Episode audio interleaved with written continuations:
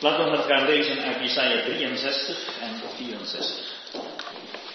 Wie is het die van Edom komt, in helrode kleren van Bosra, die daar praat in zijn gewaad, vier voortschrijdt in zijn grote kracht? Ik ben het, die in gerechtigheid spreekt, machtig om te verlossen. Waarom is dat rood aan uw gewaad? Zijn uw kleren als die van iemand die de wijnpers treedt?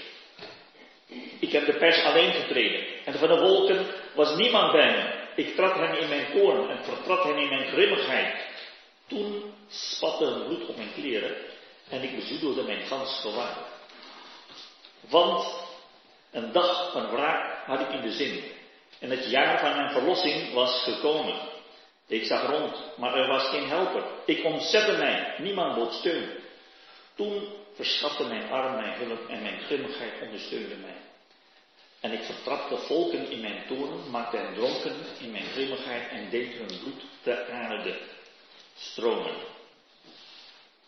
Ik zal de gunst bewijzen, de goede tierenheid des Heren vermelden. De roemrijke daden des Heren. Naar alles wat de Heer ons heeft gedaan. Naar de grote goedheid jegens het huis Israëls, welke hij betoond heeft naar zijn barmhartigheid en naar zijn vele gunstbewijzen. Hij zei, ze zijn toch mijn volk, kinderen die niet trouweloos worden. En hij werd hun tot een verlosser, tot een heiland. In al hun benauwdheid was ook hij benauwd. En de engel van zijn aangezicht heeft hem gered. In zijn liefde en in zijn mededogen heeft hij zelf hem verlost. Hij hief hem op, droeg hem al de dagen van ouds. Maar ze waren weerspannig, bedroefden zijn heilige geest. Daarom veranderde hij voor hem in een vijand. Hij zelf streed tegen hem. Maar hij dacht in de dagen van ouds aan Mozes, aan zijn volk. Waar is hij die de herders van zijn kudde voerde uit de wateren? Waar is hij die zijn heilige geest in hun binnenste gaf? Die zijn luisterrijke arm aan de rechterhand van Mozes deed gaan, die voor hem de wateren kliefde om zich een eeuwige naam te maken, die hem deed gaan door waterdiepten, evenmin als een paard in de woestijn struikelden ze, als aan het vee dat afdaalde in de vallei, gaf de geest des Heren hem rust. Zo hebt hij uw volk geleid, om u een luisterrijke naam te maken. Schouw uit de hemel, zie uit uw heilige, luisterrijke woning. Waar zijn uw ijver en uw machtige daden? Uw innerlijke bewogenheid en uw ontferming hebben zich jegens mij niet laten gelden. Gij immers zijt onze vader. Abraham weet van ons niet, Israël kent ons niet. Gij, Heere, zijt onze vader. Onze losse van oudsher is uw naam. Waarom liet gij ons afdwalen, Heer, van uw wegen? Verharde gij ons hart, zodat wij u niet vreesden? Keer weder ter wille van uw knechten, de stammen van uw erfdeel. Voor een korte tijd is uw heilig volk in het bezit daarvan geweest. Onze tegenstanders hebben uw heiligdom vertrapt. We zijn geworden als degene over wie gij van ouds niet hebt geheerst, over wie uw naam niet is uitgeroepen. Ach, dat gij de hemel scheurde, dat gij neerdaalde, dat voor uw aangezicht de bergen wankelden, zoals vuur rijshout in vlam zet, zoals vuur water doet overkoken, om uw tegenstanders, uw naam te doen kennen, zodat de volken voor uw aangezicht sidderen, dat gij geduchte daden verricht die wij niet verwachten, dat gij neerdaalt, zodat de bergen voor uw aangezicht wankelden. Ja, van oudsher heeft men het niet gehoord nog vernomen. Geen oog heeft gezien. Een God buiten u die optreedt ten behoeve van wie op hem wacht.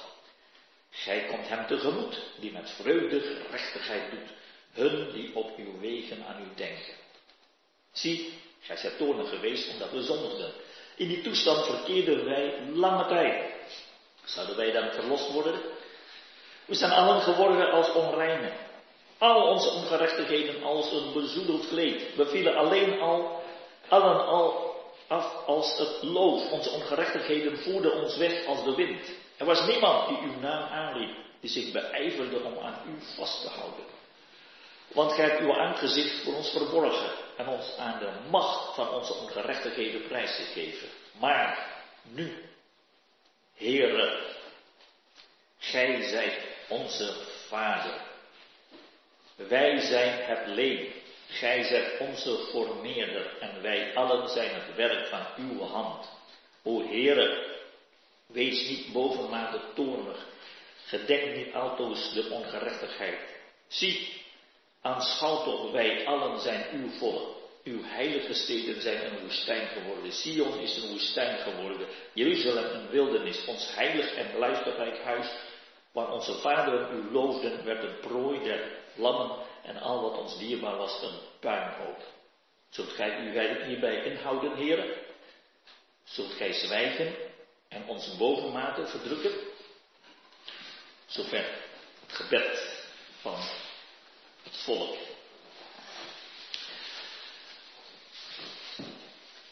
Ik wil nog uh, enkele versen lezen uit het boek Openbaring.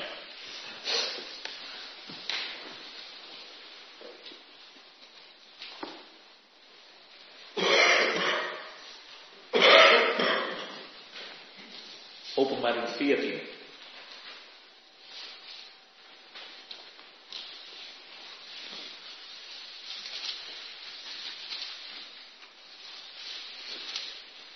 Openbaring 14, vers 17.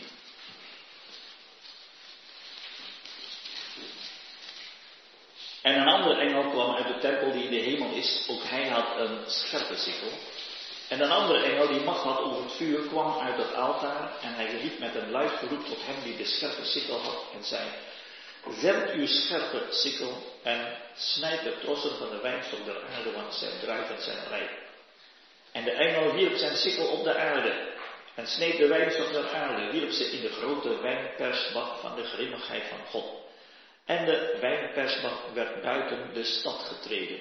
En er kwam bloed uit de wijnpersbak tot aan de domen van de paarden. 1600 stadium verder. Hoofdstuk 19.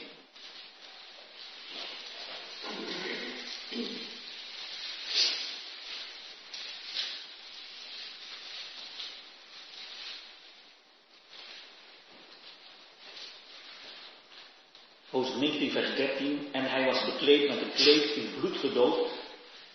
Zijn naam wordt genoemd het woord van God. En de legerschade die in de hemel zijn volgden hem op witte paarden, bekleed met witte lijn, fijn linnen. Uit zijn mond kwam een scherp tweesnijdend zwaard, opdat hij daarmee de volken slaan zou. Hij zal hen hoeden met een ijzeren roede. Hij treedt de wijnpersbak van de wijn van de grimmigheid van de toren van God de Almachtige.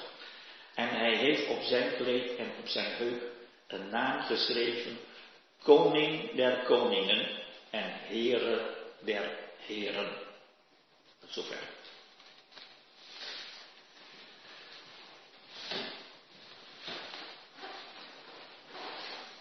De overdenking van profetisch woord is niet bedoeld dat wij, uh, dat wij exact schema's kennen tot in detail exact gebeurtenissen kennen.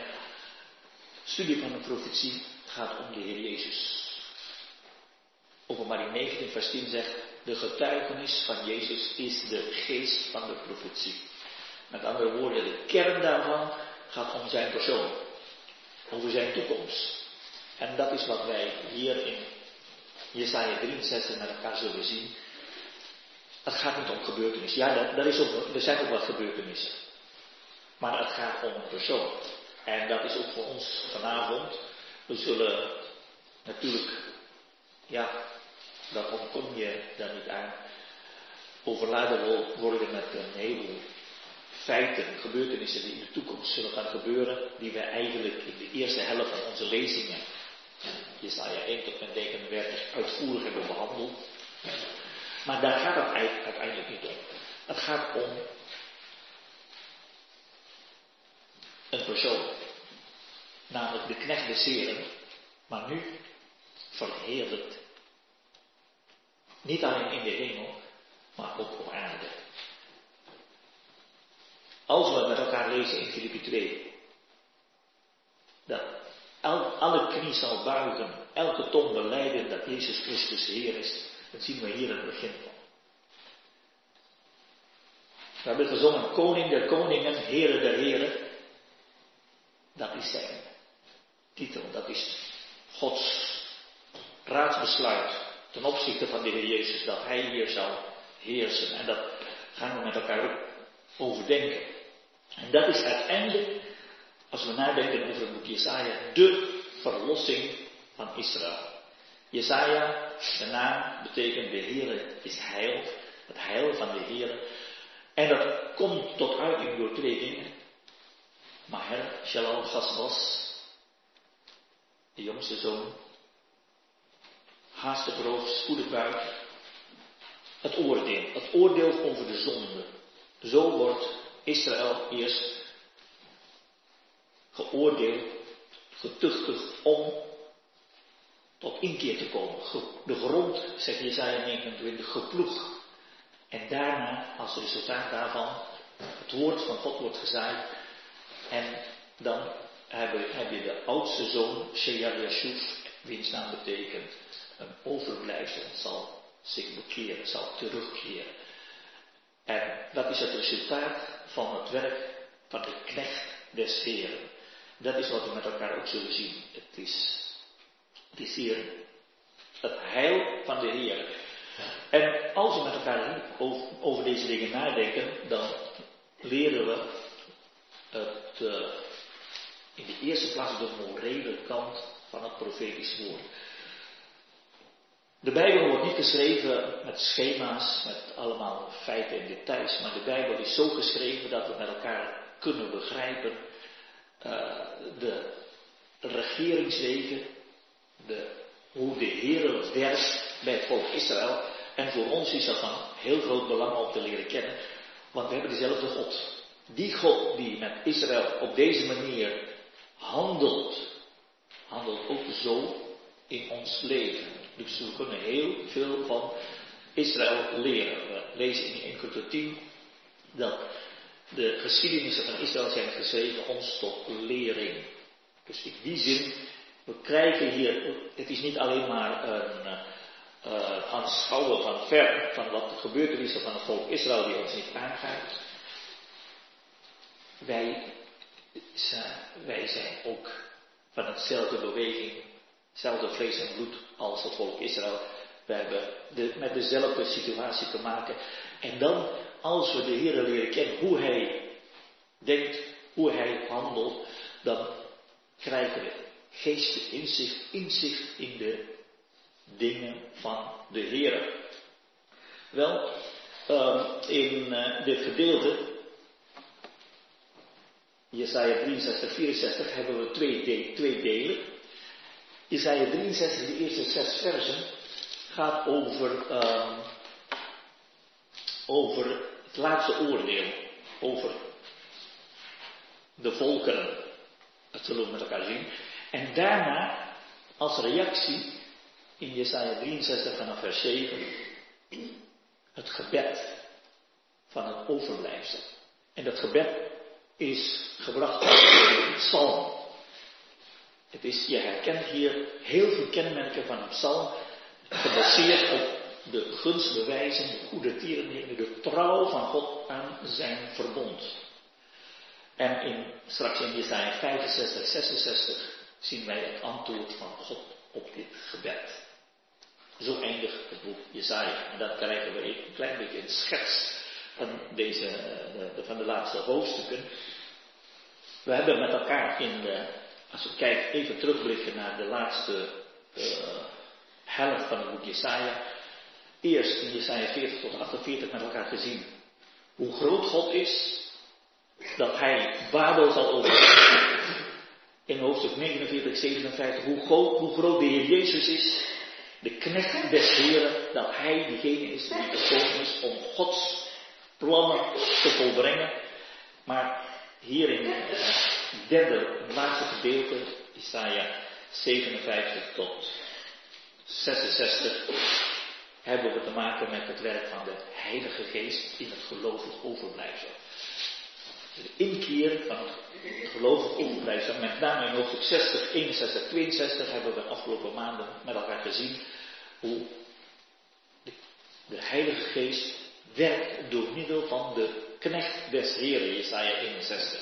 En de inkeer van het volk hebben we gezien in hoofdstuk 58 59. Maar nu komen we bij hoofdstuk 63. Nu gaat het om het oordeel. Nu gaat de arm des Heren geopenbaard worden. Maar dan eerst dit. Laten we eerst, eerst herhalen, want uh, wat, is, wat is tot nog toe hier gebeurd? Waarom heeft de Heer nu wel ingegrepen en daarvoor niet? De Heer heeft zijn eigen tijdsplan. De Heer werkt pas op het moment dat dat, dat, goed is. Dat dat, dat, zo moet zijn. Uh, als, ik denk aan, uh, de broers van Jozef in de gevangenis, want dat is een beeld die we elke keer herhalen als een type van Israël in de grote verdrukking. De broers hebben de eerste keer vader afgewezen, want de zoon werd gezonden namens de vader. De zoon van de vaders liefde is gekomen en zij hebben hem afgewezen. Aan het eind, toen moest Juda kiezen tussen de zoon van vaders liefde, in dat geval was het Benjamin, en zichzelf. En toen heeft hij laten zien dat hij tot inkeer is gekomen. Toen heeft hij gezegd, ik kan niet het verdriet van mijn vader aanzien als Benjamin niet terugkeert. Die weg tussen, hè, tussen de eerste, de zonde, en het laatste, bekeerd zijn, dat is die weg die we vinden hier in het werk van de Heilige Geest. En op het moment dat Juda zegt, laat Benjamin gaan, ik ga weer in de gevangenis, dat was het moment dat Jozef zegt, en nu is het klaar. Ik hoef verder niks meer te weten. En in één keer, in één keer is al het lijden voorbij. Hongersnood, nou dat is geen probleem. Gevangenschap, dat is geen probleem. Al dat ellende, al die narigheid, in één keer is alles weg. En dat is nou precies wat we hier vinden ook bij de komst van de Heer Jezus voor, dit, uh, voor het volk Israël. Op het moment dat Israël laat zien dat hij tot inkeer komt, is alles voorbij. Maar Israël moet wel kiezen. Zoals Juda moest kiezen. De eerste keer moest Juda, de broers, moesten kiezen tussen zichzelf en de vader. Ze hebben voor zichzelf gekozen. Later hebben ze gekozen voor de vader. Hiskia heeft waarschijnlijk deze psalm geschreven. Hij moest ook een keuze maken. Israël moest kiezen. We hebben met elkaar heel veel over gehad. Dus even kijken wat de dia dat, uh, dat is. Uh,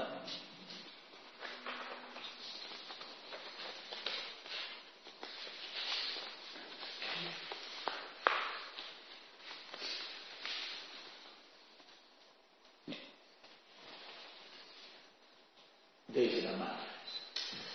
De keuze die Israël moest maken. Ik heb hier een kleine schets. Ik heb zo uh, mogelijk uh, geprobeerd te maken. Over de gebeurtenissen die plaats gaan vinden. Maar dat is niet het belangrijkste. Het belangrijkste is de morele les die Israël moest leren. Israël moest gelouterd worden. Uh, de toestand in de eindtijd na de opname van de gelovigen is dat straks in Jeruzalem een tempel wordt gebouwd, waarbij de antichrist zal komen en hij zal, 2 Thessalonicense 2, verklaren dat hij God is. En in plaats van dat, dat hij gestenigd wordt, zal Israël hem aannemen. Maar dat is de belofte van, dat is voorzegd door de Heer Jezus in Johannes 5, vers 43.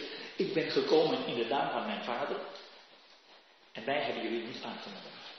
Een ander zal komen in zijn eigen naam, die zul je aannemen. Dat is de antichrist. De Heer Jezus is gekruisigd omdat hij, de Zoon van God, duidelijk zegt, Gij zult de Zoon des mensen zien komen in de wolken des hemels met de heerlijkheid van God. Met andere woorden, hij is God zelf. En toen hebben ze gezegd, nee, maar dat gaat niet. De Godheid van de Heer Jezus, dat is voor de Joden onmogelijkheid. Tot op vandaag. Joden vandaag, orthodoxe Joden, ze kunnen geloven dat de Heer Jezus misschien wel de Christus is, dat hij opgestaan is uit de doden, dat hij wonderen heeft gedaan, alles wel. Maar dat hij God is, dat is een brug te. Ook de moslims, die geloven al heel van de, uh, van de Bijbel, maar dat de Heer Jezus God is, dat is de toetssteen voor ons. De geest van de antichrist is diegene die de Vader en de Zoon logen, de Godheid van de Heer Jezus. En dat is wat we moeten vasthouden. Maar we moeten natuurlijk geloven niet alleen met ons verstand, maar met ons hart weten dat Hij inderdaad God zelf is, de schepper van hemel en aarde. Het woord, vlees geworden, woord van God. Maar de antichrist komt, een mens. Hij zegt dat hij God is. Ja, dat is, uh, dat heeft Satan al gezegd. Als je van deze vrucht eet, zul je zijn als God. En dat is de maat van de zonde van de mensheid. God heeft een maat. God grijpt pas in als de maat vol is. En de maat van de zonde van de mensheid is als een mens zegt dat hij God is. Een type daarvan, in handelingen 12, Herodes, die sprak en toen zeggen de Tyriërs, de Sidoniërs, ja, zijn verschijning met die zilveren kleed en zijn spreken, dat is niet de stem van een mens, dat is een stem van God. Herodes had moeten zeggen, mag niet. Ik ben geen God, ik ben een mens. Maar Herodes vond het prachtig. Ah, ik God. En God greep toen in. Nergens anders lees je dat God ingreep. Maar dat, hier is een grens bereikt. En toen zei God, jij en God, ik stuur een worm. De meeste mensen sterven, sterven eerst en daarna worden door wormen opgegeven maarden. Maar bij Herodes is het andersom. Hij wordt levend door worm opgegeten alsof God een grapje uithaalt met Herodes om te laten zien. Mensen, is het jullie God? Die wordt door de worm opgegeten. Dat is, hij is geen God, hij is mens. En straks ook met de antichrist. God zelf zal ingrijpen. De meeste mensen zullen moeten sterven. Maar de antichrist zal levend de hel ingaan.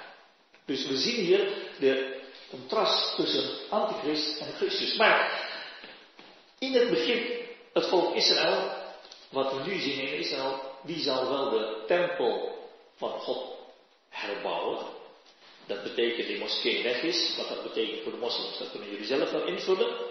Maar als dat gebeurd is, dan zal de antichrist de zaak overnemen en de antichrist zal zichzelf tot God verheffen. In die drieënhalf jaar de grote verdrukking. En dat is wat God betreft, wat Israël, wat Israël betreft, de, de maat van de zonde van Israël is vol. Dan gaat God ook ingrijpen. God gaat ingrijpen en God zendt zijn tuchtroede. De tuchtroede van God Jesaja 9, Jesaja 10, dat hebben we destijds, destijds uh, vaak herhaald. Dat is Assur, Assyrië. En Assyrië in de Bijbel, dat hebben we uitvoerig behandeld, heeft twee elementen. De voorhoede, onder leiding van de koning van het noorden, de voorhoede, dat is een coalitie, alliantie van tien landen, Psalm 83 islamitische landen ten noorden van Israël. En wat, wat ons betreft, wij leven in een bijzondere tijd dat we nu zien dat als je kijkt naar Syrië, Amerikanen zitten daar, de Russen zitten daar, de Chinezen zitten daar, de Iran zit daar, eh, de Turken zitten ook daar. En eh, als je niet uitkijkt straks op de Europese leger, komt ook allemaal daar. Heel, en, en wat is het resultaat van deze bemoeienis? er komt daar een macht die in staat zal zijn, misschien ook Turkije, in staat zal zijn om Israël te overwinnen. En dan lezen we in Zachariah 13 dat twee derde van Israël uitgeroeid zal worden. Waarom? Omdat Assur de tuchtroede is van God. We lezen ook wel dat de macht van deze alliantie is niet van zichzelf. Dat betekent er is een andere macht achter. En die macht daarachter, dat is God, oftewel Rusland. En dat, ook dat is wat we vandaag de dag al, kunnen zien. Dat Rusland, dat die, die houdt ervan om achter de schermen alles te, alles te doen. En dat zal hier ook bij, bij deze oorlog. Assyrië zal in staat zijn om Israël te vernietigen. Twee derde uitgeroeid. Maar dat is vergelijk, vergelijkbaar met de gevangenschap van, uh, van de broers van Jozef. En dat is in, Jesaja is dat uitvoerig behandeld in Jesaja 7. Ik herhaal in Jesaja 7 en Jesaja 36, als je die twee met elkaar vergelijkt, zit het heel bijzonder. Er zijn twee testen in Jesaja 7 en Jesaja 36. En die test gebeurt allebei. Ik moet dat even uh, niet uh, verkeerd zeggen. Ik pak even Jesaja 7. Het einde van de waterleiding van de bovenste vijver naar de weg van het Vollersveld. Dat is het adres waar Jesaja naartoe moest gaan. En Jesaja 36 precies zo. Waarom? Waarom staat twee keer hetzelfde adres? Omdat de Heilige Geest zegt, je moet die twee hoofdstukken met elkaar vergelijken. En als je dat met elkaar vergelijkt, dat is bijbelstudie, dan, dan kom je achter dat het geweldige contrasten zijn. De ene zit Agas, beeld van de antichrist. De andere zit Heskia, beeld van Christus. Agas zat in groot gevaar. Want Peta en Rezin kwamen om Agas aan te vallen. En toen zei Jesaja, je moet kiezen. Je moet kiezen tussen God en Assyrië. Want Agas wilde de hulp van Assyrië vragen. En Jesaja zegt, nee, je moet in God vertrouwen. En weet je wat? Zegt uh, Jesaja, jij, zegt de Heere God, mag een teken vragen, hoog in de hemel, diep in de dodenrijk, wat voor teken dan ook, zal ik geven. God heeft zet zijn handtekening, je hebt een mag, je hoeft dat met zo in te vullen. Dan dat, een, een, een wonderteken dat je weet dat je in mij kunt geloven. Nou, Agas zei, heel vroom, ik wil de Heere, uw God, niet verzoeken. Nee, hij wilde gewoon niet geloven. Hij heeft gekozen voor Assyrië. Hij heeft God aan de kant gezet.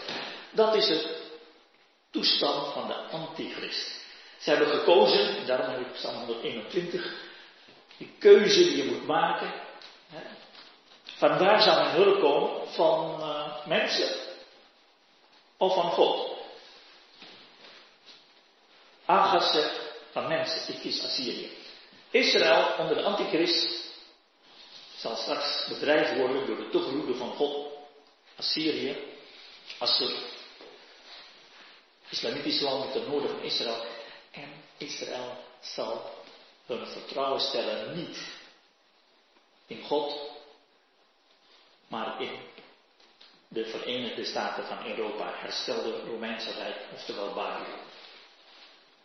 Dat is de toestand in de nabije toekomst. En wij zien al die hoofdrolspelers, die zitten allemaal het is net als een schaakspel, halverwege afgebroken en dat wordt weer daarna voortgezet en die hoofdrolspelers worden weer op de plek neergezet. Al die hoofdrolspelers van 2000 jaar geleden zijn terug. Herkennen we dat? Israël is weer terug. Rome is weer terug. En uh, dat wordt nu gevormd. Al één voor één gaat God de zaak klaarmaken voor het laatste oordeel. En dan wordt Israël vernietigd, twee derde uitgeroeid en een derde, zegt Zechariah 13, wordt gelouterd. Ze komen tot inkeer, Malachi. En uh, boek Malachi spreekt heel veel daarover. Loutering van het overblijfsel. En ze komen tot geloof, zoals de broers van Jozef in de gevangenis gelouterd zijn. Zo wordt Israël gelouterd. En dan komt de Heer Jezus terug, oordeel over Babel, en oordeel over de koning van het noorden. En dan komt de Heer, want dat oordeel vindt plaats in het noorden van Israël. En dan komt de Heer naar Jeruzalem. En op het moment dat de Heer terugkomt naar Jeruzalem, vind je het herstel van Israël. Tien stammenrijk komt terug en Israël gaat in vrede wonen. Dat vind je terug in Ezekiel 38, vind je in Jesaja, vind je in Joel. Al die profeten spreken daarover. En toch is er nog één macht dat nog niet is uitgeschakeld. En deze macht, dat is Gog, oftewel Rusland. Uit het verre noorden, zegt Ezekiel 39, vers 2. En God zegt, ik zal Gog, hoe, hoe, staat dat in Ezekiel 38? In vers uh, eh, 4, ik zal u komen halen, haken slaan in uw kaken en u doen uittrekken met uw gehele leger. Dus God wordt binnengehaald door de Heer om vernietigd te worden in Israël. Want het gaat niet aan dat oordeel geveld buiten Israël. Dat wordt allemaal naar Israël toegebracht. Daar is het oordeel van God. De Heer heeft ook gezegd, daar in Matthäus 24, daar waar het lijk is, daar zullen de gieren komen. Het lijk, het geestelijke dood, daar in Israël, en daar komt het oordeel. Maar dan wordt het oordeel door de Heer zelf uitgevoerd in 2 Thessalonicense 1 en 2 Thessalonicense 2 lezen we dat de Heer Jezus terugkomt en hij zal de machtige Europese leger in één keer vernietigen. in beeld zie je dat toen de Heer Jezus werd gevangen genomen door Romeinse soldaten, toen heeft hij gesproken. Ik ben het. Toen hij zijn naam, de ik ben noemde, toen vielen alle 600 sterke Romeinse soldaten achterover op de grond. Als een teken, als een heenwijzing wat de Heer in de toekomst ook gaat doen. En dan wordt de koning van het noorden vernietigd. En dan komt God naar Israël. Maar God zal naar Israël komen via Edom. En nu komt Edom naar voren. Edom, uh, als je kijkt in de Bijbel, in het Oude Testament, heeft een hele grote plaats in de, in de Bijbel. Je hebt een, één Bijbelboek alleen maar over Edom, Obadja. Je hebt in, in, in, uh, in Ezekiel hoofdstuk over Edom, in Jesaja, Jesaja 21, Jesaja 34, 35, gaat allemaal over Edom. Hoofdstukken lang over Edom. Edom, dat is in Jordanië. Wat is dat, uh, waarom, waarom is dat zo belangrijk?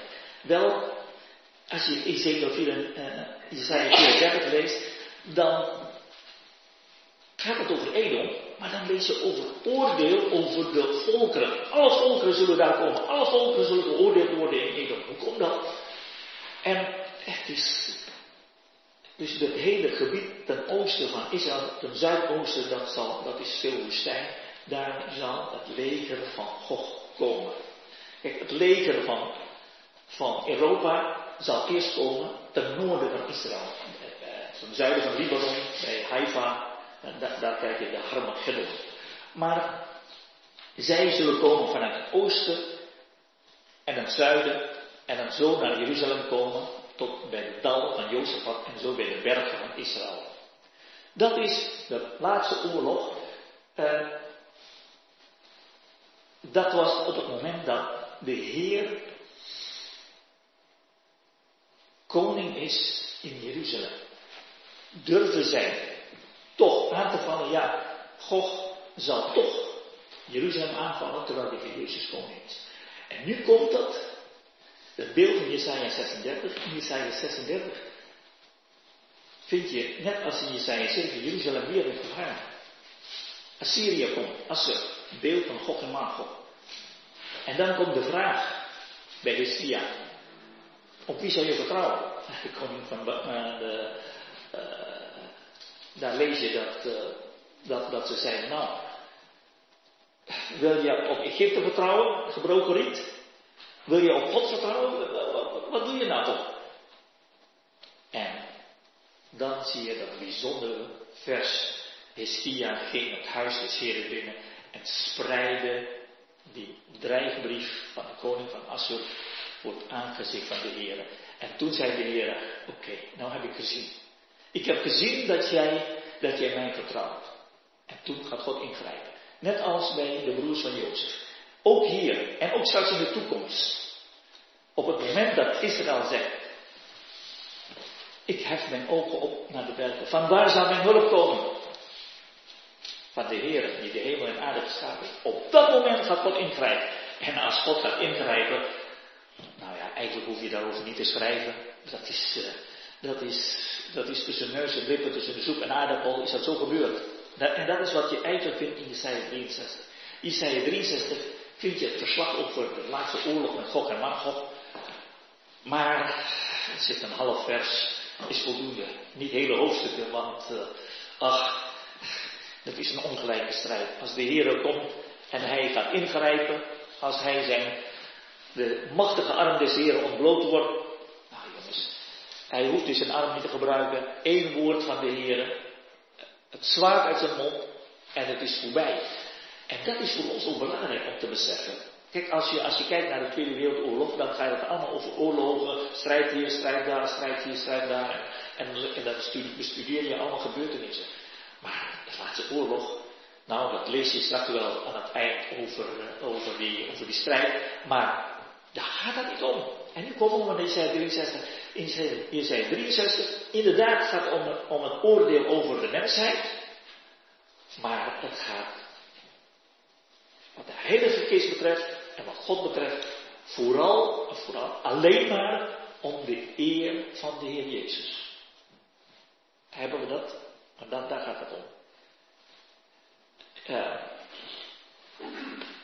het wordt niet over oorlog gesproken. In Jesaja 62 hebben we al de terugkomst van de terugkeer van de Heer. En dan Jesaja 63 wordt die vraag, wie is het die van Edom komt? Wie is het?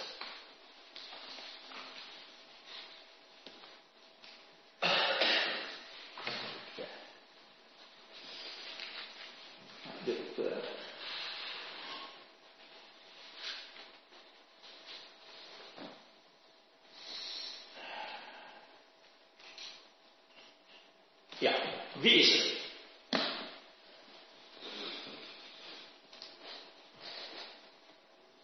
De vraag, wie is het benadrukt de Het gaat om hem. Het gaat niet om al die gebeurtenissen.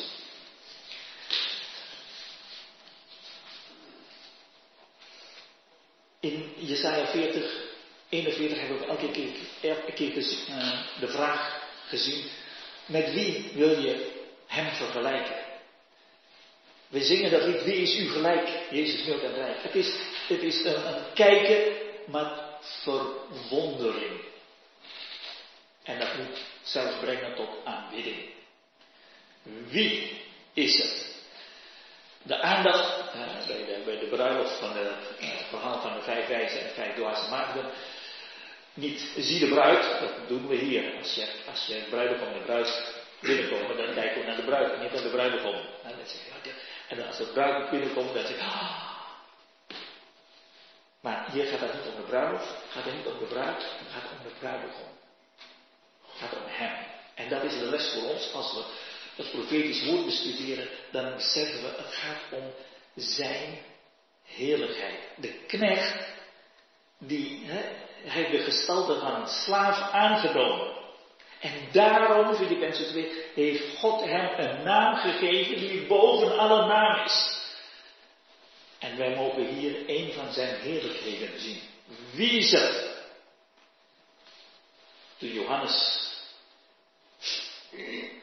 hem herkende, toen viel hij uit zijn uh, schrijvers uh, uh, uh, toon. En toen, moest hij uitroepen, hem die ons lief heeft en ons van onze zonden gewassen heeft met zijn kostbaar bloed.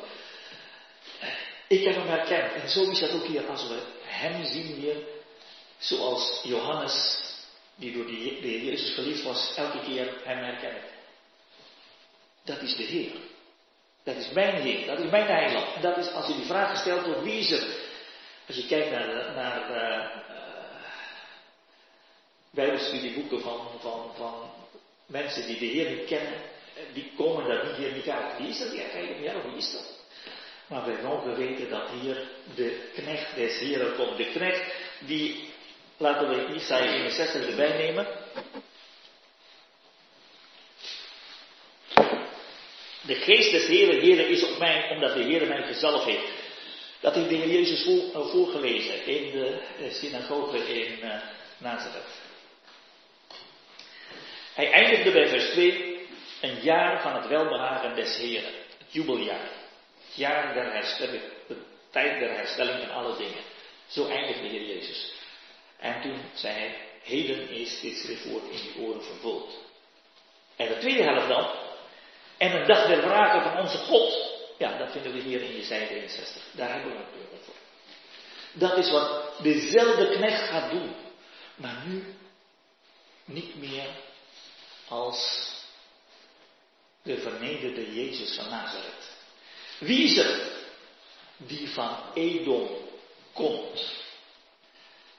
Hij wordt hier niet beschreven als iemand die naar Edom gaat om die taak te vervullen. Dat, we, dat we denken, nou ja, spannend, wie zou, wie zou nou winnen? Nee, hij wordt geschilderd als diegene die al teruggekomen is, die zijn karwei al taak heeft volbracht, helemaal klaar. Waarom is dat? Omdat voor God is dat maar een kleinigheid, al die vijanden. Vijf broden, twee vissen en daarmee 5000 man uh, voeden, 3000 man, dat is, dat is een kleinigheid. Dat is hier ook. Het is een kleinigheid.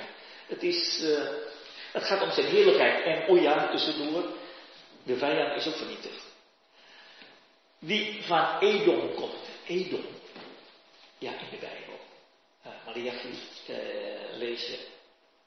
Jacob heb ik die vrouw. Esau heb ik gehad. Dat is Esau, Edom.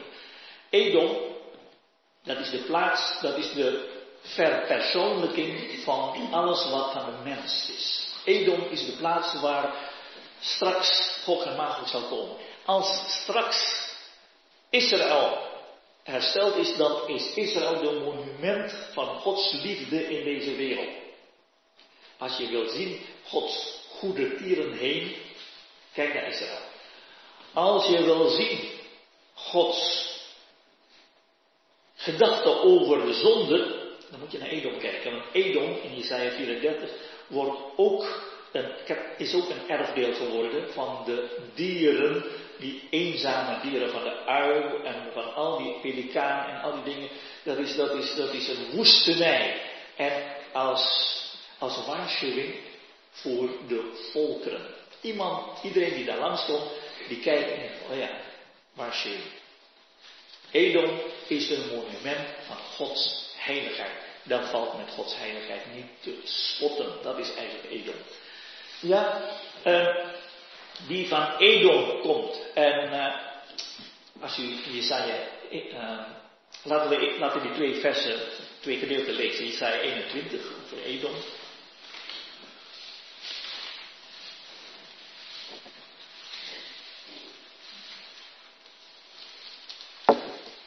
Eerst hebben we het gehad over Babel in vers 1 en in vers 11 over Duma. De God sprak over Duma. We hebben het toen over gehad. Duma spreekt in de, betekent de doodslaan. En dat is een woordspeling van Edom. Men roept tot mij uit Seir. Seir, dat is een andere naam voor, uh, voor Edom. Wachter, wat is er van de nacht? Wachter, wat is er van de nacht? De spotternij van uh, wanneer komt dat? Uh, hoe, hoe, hoe, worden jullie de profetieën eindelijk vervuld of niet? Antwoord, de wachter zegt, morgen komt. Gods koninkrijk, bijzonder gerechtigheid komt. Maar ook de nacht. De nacht, wat dat betreft, is het hier het oordeel. En de laatste zin is niet goed vertaald. Als je vragen wilt, vraag kom dan terug. Eigenlijk moet je vertalen. Als je terug wil komen, kom dan terug. Kom dan terug betekent bekeer je. Met andere woorden, op tot aan Edom wordt op de boodschap van het evangelie gebracht. Bekeer je voordat het te laat is. En dan kijken we naar Jesaja 34.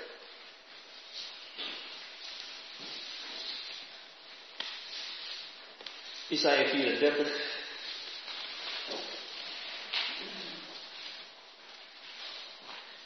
Vers 1. Nader gij volken.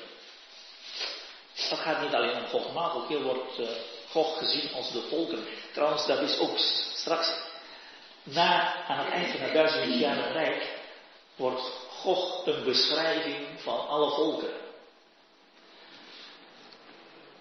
Vers 2, de Heere koestert toorn tegen alle volken, niet alleen tegen Edom, tegen alle volken. Maar waarom Edom?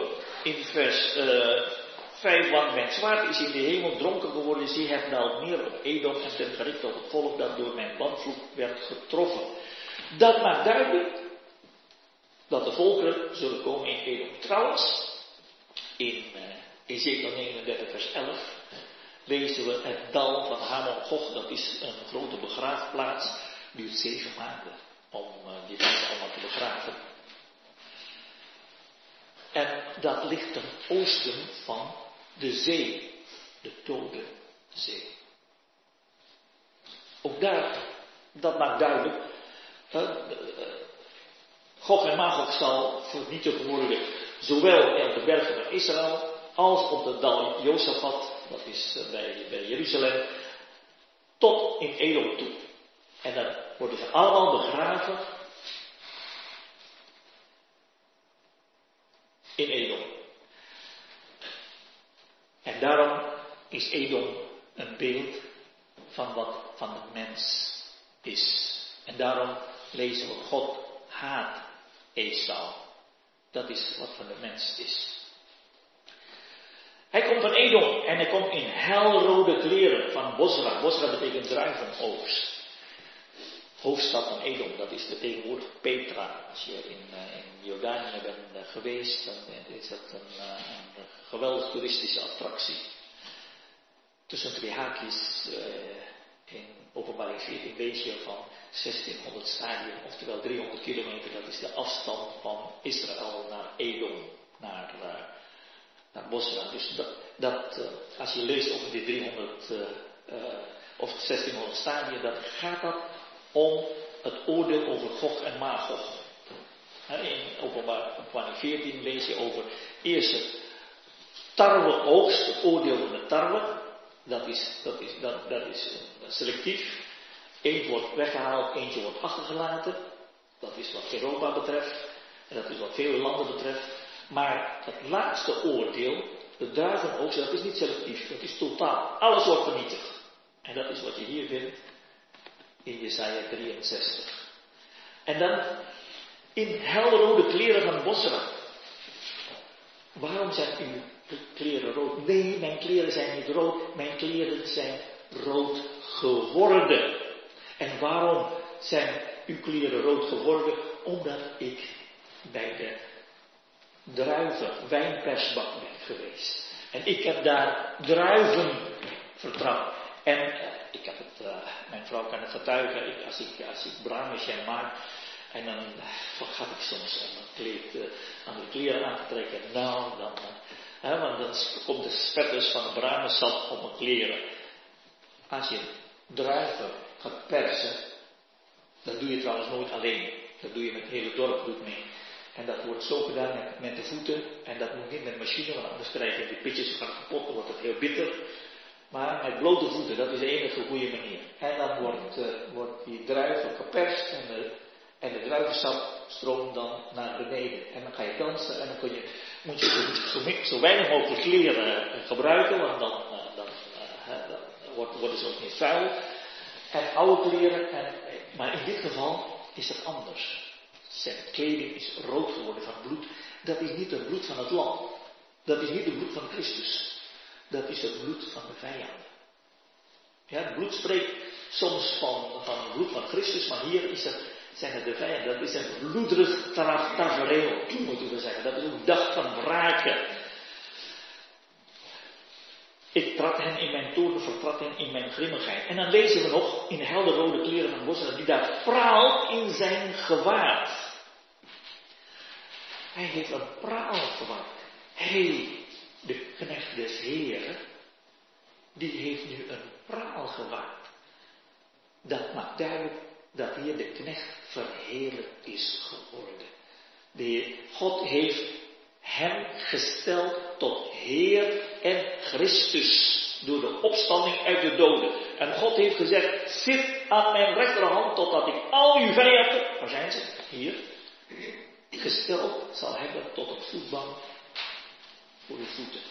Ziet u, als je dit leest, dan heel, al, die, al die lijnen van de hele Bijbel, die komen terug naar dit punt. Want hier, hier eindigt de geschiedenis van de mensheid. Hier grijpt God in. God zegt, uh, nu is het genoeg. De maat van de zonde is vol. Er is een mens die zegt dat hij God is en jullie accepteren dat. Nu is het voorbij. Nu gaat God ingrijpen. Want God is een rechtvaardig God. Zoals bij Abraham. Abraham, jij krijgt dat land, maar nu 450 jaar nog. Want dan is de maat van de zonde van de Amorieten vol. En dat is hier ook. Hier vinden we de maat van de zonde van de mensheid. Die daar praat in zijn gemaakt vier, vier voortschrijdt in zijn grote kracht. Hier komt de Heer als de Heere de Heerscharen, hebben we vaak gezien. De krijgsnaam van de Heer. Hij komt en als de Heer oorlog voert, dan is het anders dan toen de Amerikanen tegen Saddam Hussein uh, vocht. Toen zat de president in, uh, in, in, Amerika en die generaal zit in een veilig bunker daar in ergens in, weet ik niet hoe je die plaats in, in, in een klein landje. en de soldaten, de pionnetjes gaan naar voren. Bij de strijd van de heren. We hebben gelezen over een hemelschade in openbaring 19. Maar die hemelscharen zijn slechts toeschouwers. En ook wij zullen daarbij zijn. En wij, u en ik, wij zullen toeschouwers. We hoeven niet te vechten.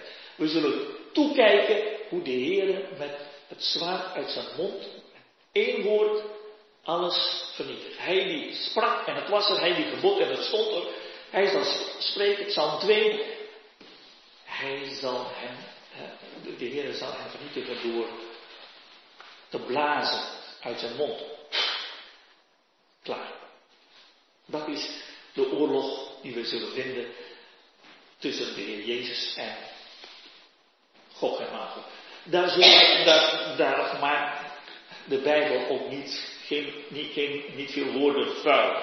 Maar de Heer maakt duidelijk dat het hier gaat. Hij zal terugkomen in de heerlijkheid en hij zal het oordeel, want, handelingen 20, God heeft het oordeel in handen van een mens gegeven. Hij zal het oordeel volvoeren, helemaal alleen. En dan wordt hier vervuld wat we vaker in de Bijbel hebben gelezen. Want, vers 4, een dag van wraak had ik in de zin, het jaar van mijn verlossing was gekomen. Nu begrijpen we ineens, die druiven, dat zijn geen druiven, dat zijn mensen. En die wraak, dat is de toren van de Heer, de grimmigheid van de Heer. Asser was eerst een instrument in de hand van de Heer. En de tweede keer komt Gog en Magog. En dan zal Israël, het geloof overblijfsel, toen als Gog en Magog komt, zal zeggen, en toch, net als Hestia, vertrouwen we ons op de Heer. En dan zegt de Heer, vertrouwen op mij, en dat is wat we straks zullen zien in de komende hoofdstukken. Dan grijp ik in. Jij vertrouwt op de Heer, en dat is voor ons een prachtige les. Waarom doet God vaak weinig in ons leven. Omdat we weinig vertrouwen. Als we geen vertrouwen hebben in de Heer, dan grijpt God niet in. Maar op het moment dat we ons vertrouwen stellen op Hem, dan zegt God, nee, dan ga ik snel om in te grijpen. Ik ga helpen. Ik zal mij. En dat is, we hebben te maken met dezelfde God, met dezelfde Heer. Heel belangrijk principe. De Heer, en we zingen, en zingen eh, een lied vroeger, een, eh, in de studententijd, er is een Heer, er is een Heer. Waarom krijgt hij niet in? Alleen hij wacht totdat hij ook voor jou zorgen mag. Dat betekent op het moment dat we niet meer zelf dingen gaan doen, en dan zeggen we, Heer, doet u het maar. En dan zeggen we, nou, dat zit, daar zit ik te wachten. En dan gaat het. Maar dat is voor ons zo moeilijk om dingen los te laten. En zeggen, Heer, doet u het maar. Zoals u dat wil, niet mijn wil. Een dag van wraak had in de zin. Is God dan een God van wraken? Ja, dat wel. Maar dan lezen we hier, en het jaar van mijn verlossing was gekomen. Het doel van het wraken des Heren is verlossing. En dat is goed om dat, om dat te bedenken. Straf, oordeel is niet het doel, laatste doel van God. God gebruikt zijn wraak, zijn vergelding, zijn gramschap om Israël te verlossen. En dan zien we dat ik zag rond, er was geen helper. Hij was helemaal alleen. En dat is eigenlijk wat, wat, we vaker hebben gezien. We hebben gezien in Jesaja, oh waar was dat? Jesaja 59.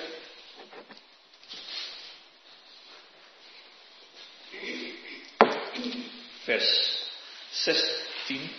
De Heere zag het en het was kwaad in zijn ogen dat er geen recht was. Hij zag dat er niemand was. Hij ontzette zich omdat niemand tussen beiden trad. Toen bracht zijn arm hem hulp. Zijn gerechtigheid ondersteunde hem.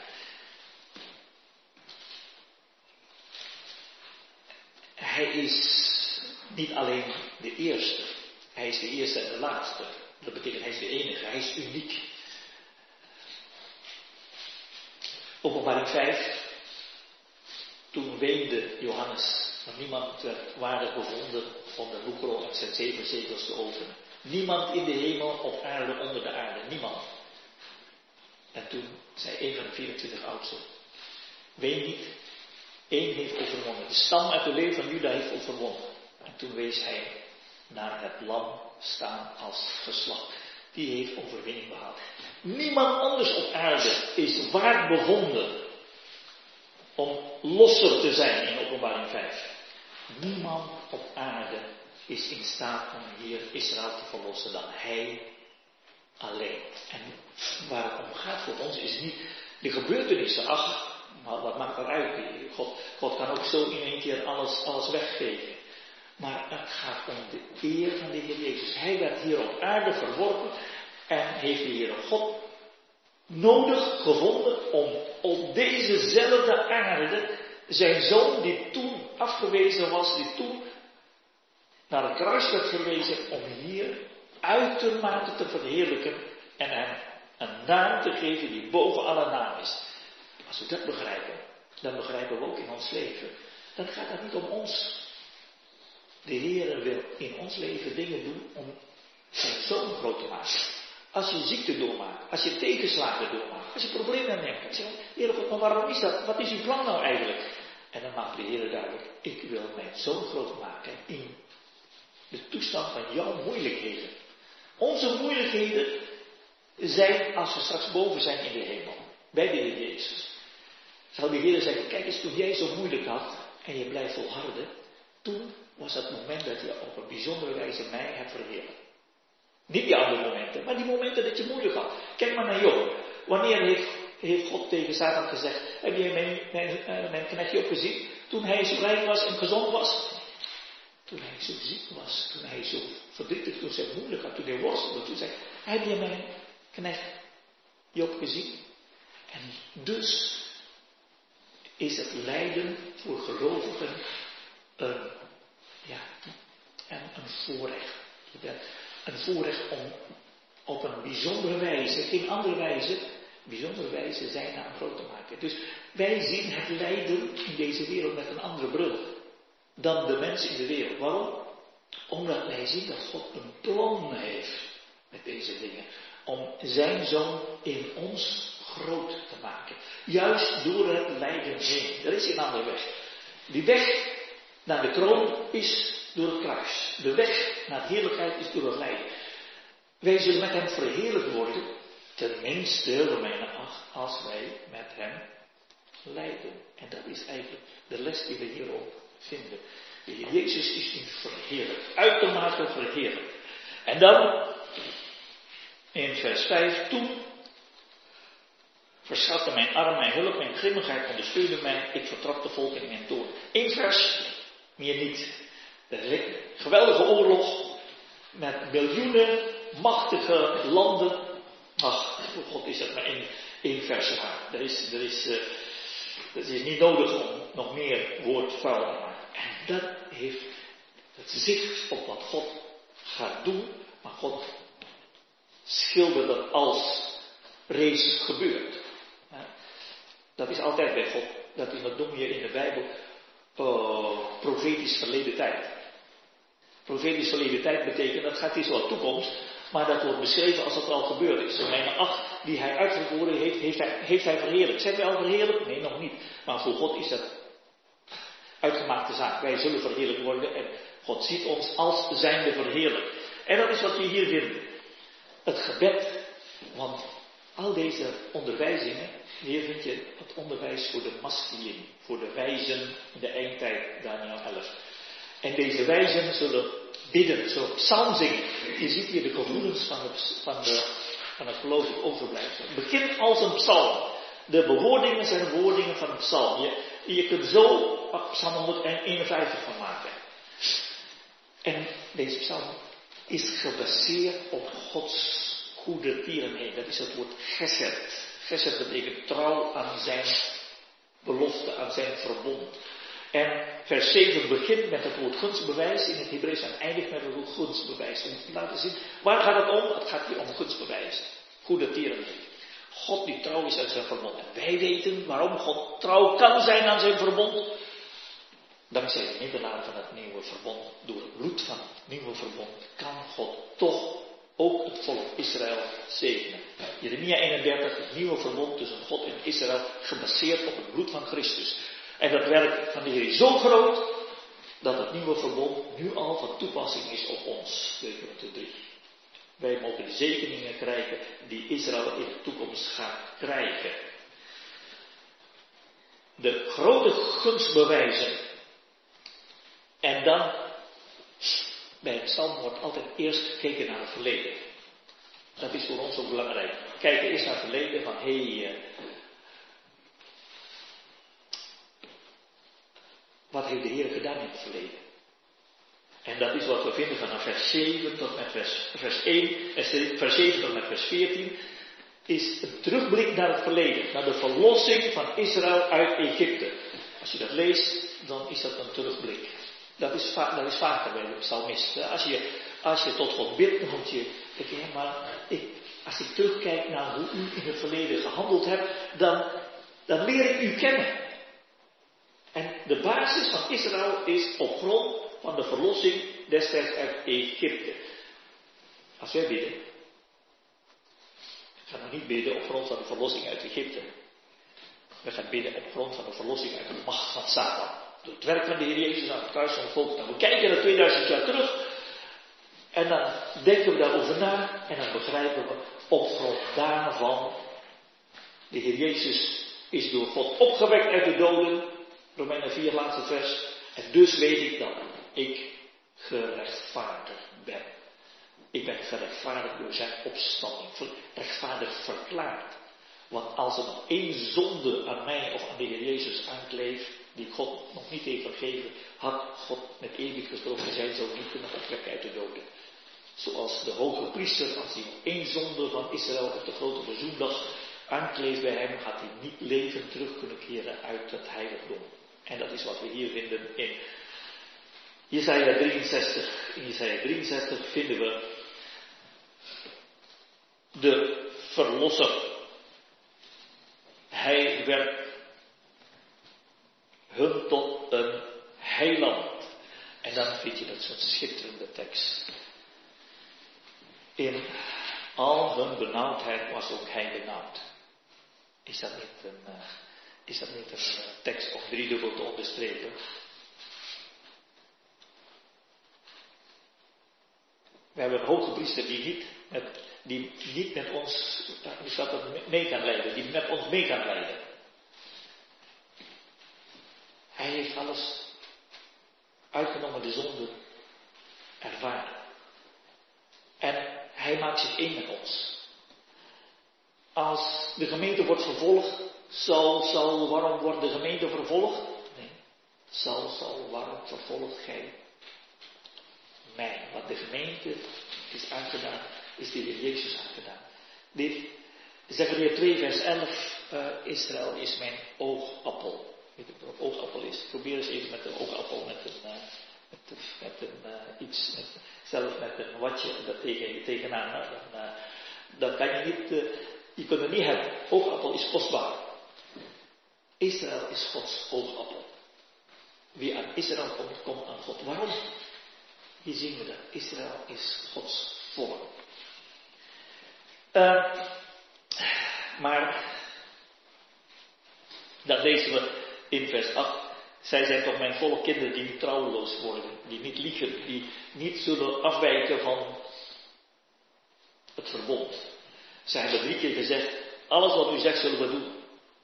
Maar helaas, vers 10, maar, dat woordje maar, dat is typisch voor de mensheid.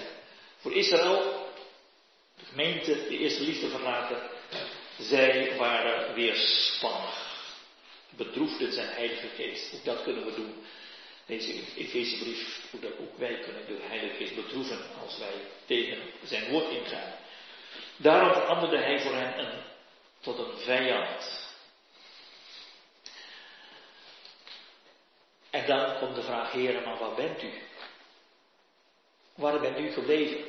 Gideon zei, ja, dat was vroeger. Maar waar is de Heer? En wij als christenen kunnen ons afvragen, waarom, waarom, waarom grijpt God niet in? Heer, God grijpt toch in, enzovoort, enzovoort.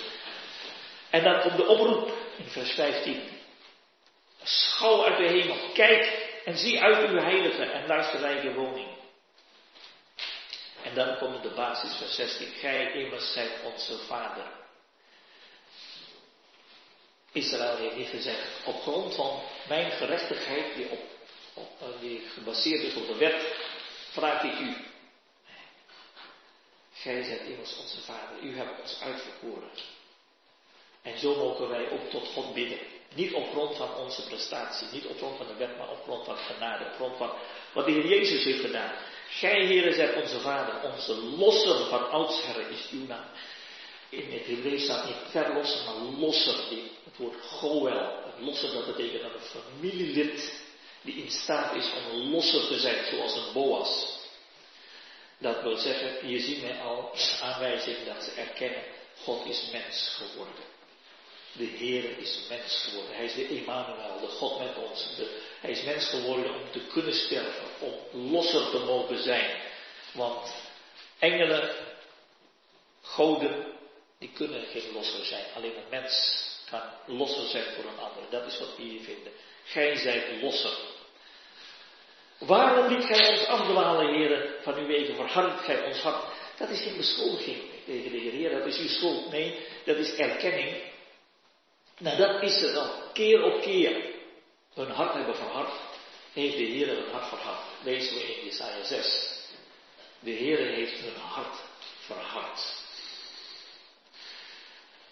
Als een mens twee of drie keer waarschuwing krijgt van God, zegt Job, en die luistert niet, zegt God, ik respecteer jouw wil, ik trek niet meer aan jou, en als God niet meer aan een mens trekt, dan kan hij zich niet meer bekeren. Farao verhardde zijn hart tot driemaal toe. En toen, daarna lezen we, en de Heer verhardde het hart van Farao. Wat betekent verharde het hart van Farao? Betekent dat de Heer zegt, Farao, jij hebt drie keer nee gezegd tegen mij, ik respecteer jou, nee, ik zal niet meer aan jou trekken. En als ik de Heer niet meer aan Farao trek, kan Farao zich niet meer bekeren. Dus verharden van het hart betekent niet dat God het hart anders maakt. Verharden van het hart betekent, God trekt zijn hand terug Niemand kan tot mij komen, zegt de Heer in Johannes 6, zij de Vader hem trekt.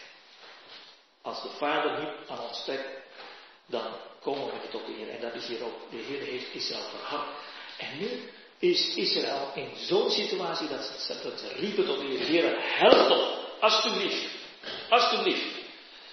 Waarom verhardt u nog? Maak ons hart weer week. Geef ons dat we luisteren naar uw woord. Keer terug ter wille van uw naam, ter wille van uw knechten. Zij hebben niet alleen het geloof overblijfsel op het oog, zij hebben heel het volk van God op het oog. Zoals uh, Ezra 6, toen Zerubbabel terugkwam, hebben ze offers gebracht naar de twaalf stammen. Eén stam of twee stammen kwamen terug, Juda en Benjamin. En ze offerden voor, voor de twaalf stammen.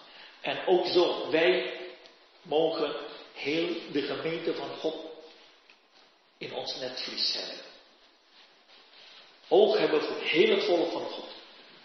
En dan bidden, bidden we, Heer, uw naam is over ons uitgeroepen. We kunnen niet zeggen, ach, het is bij ons groepje, gaat het goed. Of, nee, de naam van de Heer wordt onteerd. Daar en daar en daar in de christenheid, in diegenen die de naam van de Christus beleiden. Dat moet ons uh, pijn doen, want dat is de naam van de Heer. Het gaat niet om ons groepje. Het gaat niet om een klein kringetje. Nee, het gaat om de naam van de Heer. En dat is het gebed van deze van dit geloof overblijven. Ze hebben oog gekregen voor de naam van de Heer. En elke keer, net als Mozes destijds, Mozes, toen God zegt, uh, Mozes, ik ben er klaar mee. Israël, weg ermee. Ik zal het uitroeien, ik, ga met jou een nieuw volk beginnen. En toen zegt Mozes, de Heer, hij was een voorbeeld, een middelaar. Hij zegt, Heer, maar denk aan uw geduchte naam. Uw naam wordt onteerd als het volk wordt. Uw naam is verbonden met het lot van het volk. Wilt u het volk herstellen ter wille van uw naam? Uw naam worden geheiligd. Gebed van onze Vader gaat over herstel, herstel van het volk Israël. En dat is wat we vinden. En dat is wat in hoofdstuk 64 uh, staat in vers 2. Om uw tegenstanders uw naam te doen kennen. Zodat de volken voor uw aangezicht zitten. Uw naam worden verheerlijkt, groot gemaakt. Daar gaat het om. En dan begrijpt deze masculin de wijzen van een gelovig overblijfsel. Ja, dit is inderdaad Gods raadsbesluit. Wonderbaar. Paulus heeft dat aangehaald in de Korinthebrief om, om, om te, toen hij spreekt over Gods raadsbesluiten met betrekking tot ons, de gemeente van God. Hemelse raadsbesluiten. Hier gaat het om aardse raadsbesluiten van God met het volk Israël. En dan begrijpen ze en wat, wat we net hebben overdacht, wat we vandaag overdenken, raadsbesluit van God. Waarom handelt God zo? Waarom heeft God gehandeld zo in Jesaja 7 en zo in Jesaja 36? Waarom handelt God zo met de broers van Jozef? En waarom heeft Jozef aan het eind gezegd, en nu is alles klaar? Toen waren ze tot inkeer gekomen. Shea Yeshua, gelovig overblijfsel, zal zich bekeren. Toen was het volk gelouterd. De Joden die daar zitten, die zullen straks tot inkeer moeten komen. Ze zullen hem zien, de Heer, die zij doorstoken hebben. En een rouwklap aanheffen. Ze zullen in de Heer Jezus gaan geloven. De Heer Jezus wordt een koning. En ze moeten straks, ze moeten, als Gog en Magog gaat aanvallen, hun vertrouwen stellen in de Heer Jezus. En dan zal de Heer Jezus die 300 kilometer door gaan en heel het leger van heel de wereld vernietigen in één klap. En dan zal het bloed tot aan de tomen van het paard vloeien. 1600 stadien ver. En dan zal Israël begrijpen, dit is onze God. Hij is de grote God van de eeuwigheid. Hoe hebben wij in het verleden gewaagd om Hem te betwijfelen? Hoe hebben we gewaagd om Hem los te laten? Hoe hebben we bij die vraag, die vraag is dezelfde vraag dat Elia gedaan heeft. Uh, wie is de ware God? Zeg maar, Baal of de Heer? Eenvoudige vraag toch? Zouden we zeggen, de Heer, Israël heeft hem gezwegen. Geen antwoord. En dat is de toekomst bij de antichrist ook. Geen antwoord. Of ze zullen, ze zullen Barabbas kiezen. Ze zullen de antichrist kiezen. Maar pas bij Gog en Magog zullen ze de keuze stellen voor de Heer Jezus. Dat moeten we begrijpen. Dat is voor God het belangrijkste dat we begrijpen. Pas als Israël 100% vertrouwen stellen op de Heer Jezus, dan zal de Heer Jezus ingrijpen. Zo is het ook in u en mijn leven. De Heer wil dat wij 100% de Heer toegewijd zijn.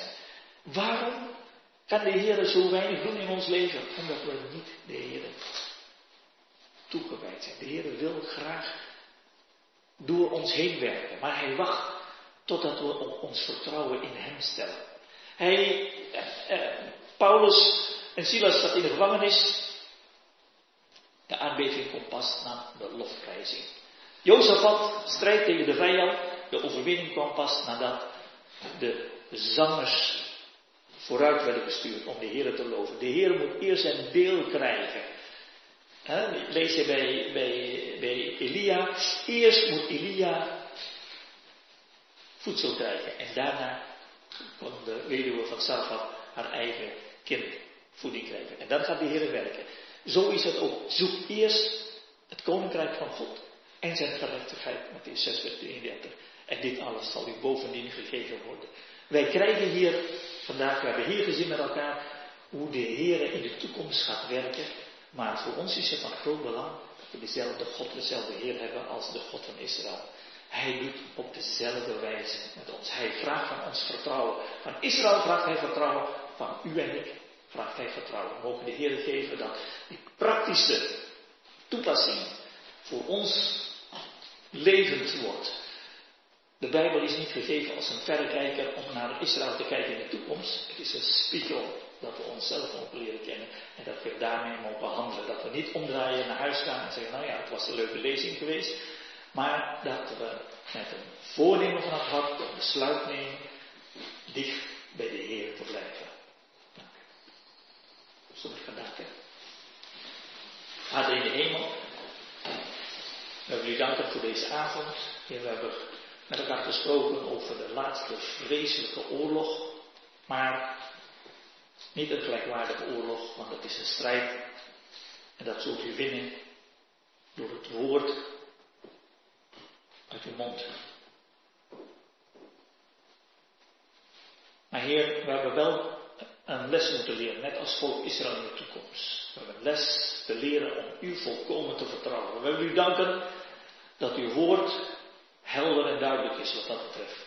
Heel veel dingen kunnen we moeilijk begrijpen, dat heeft Petrus ook eens gezegd. Maar één ding is duidelijk. Het gaat om uw eer. U moet groot gemaakt worden.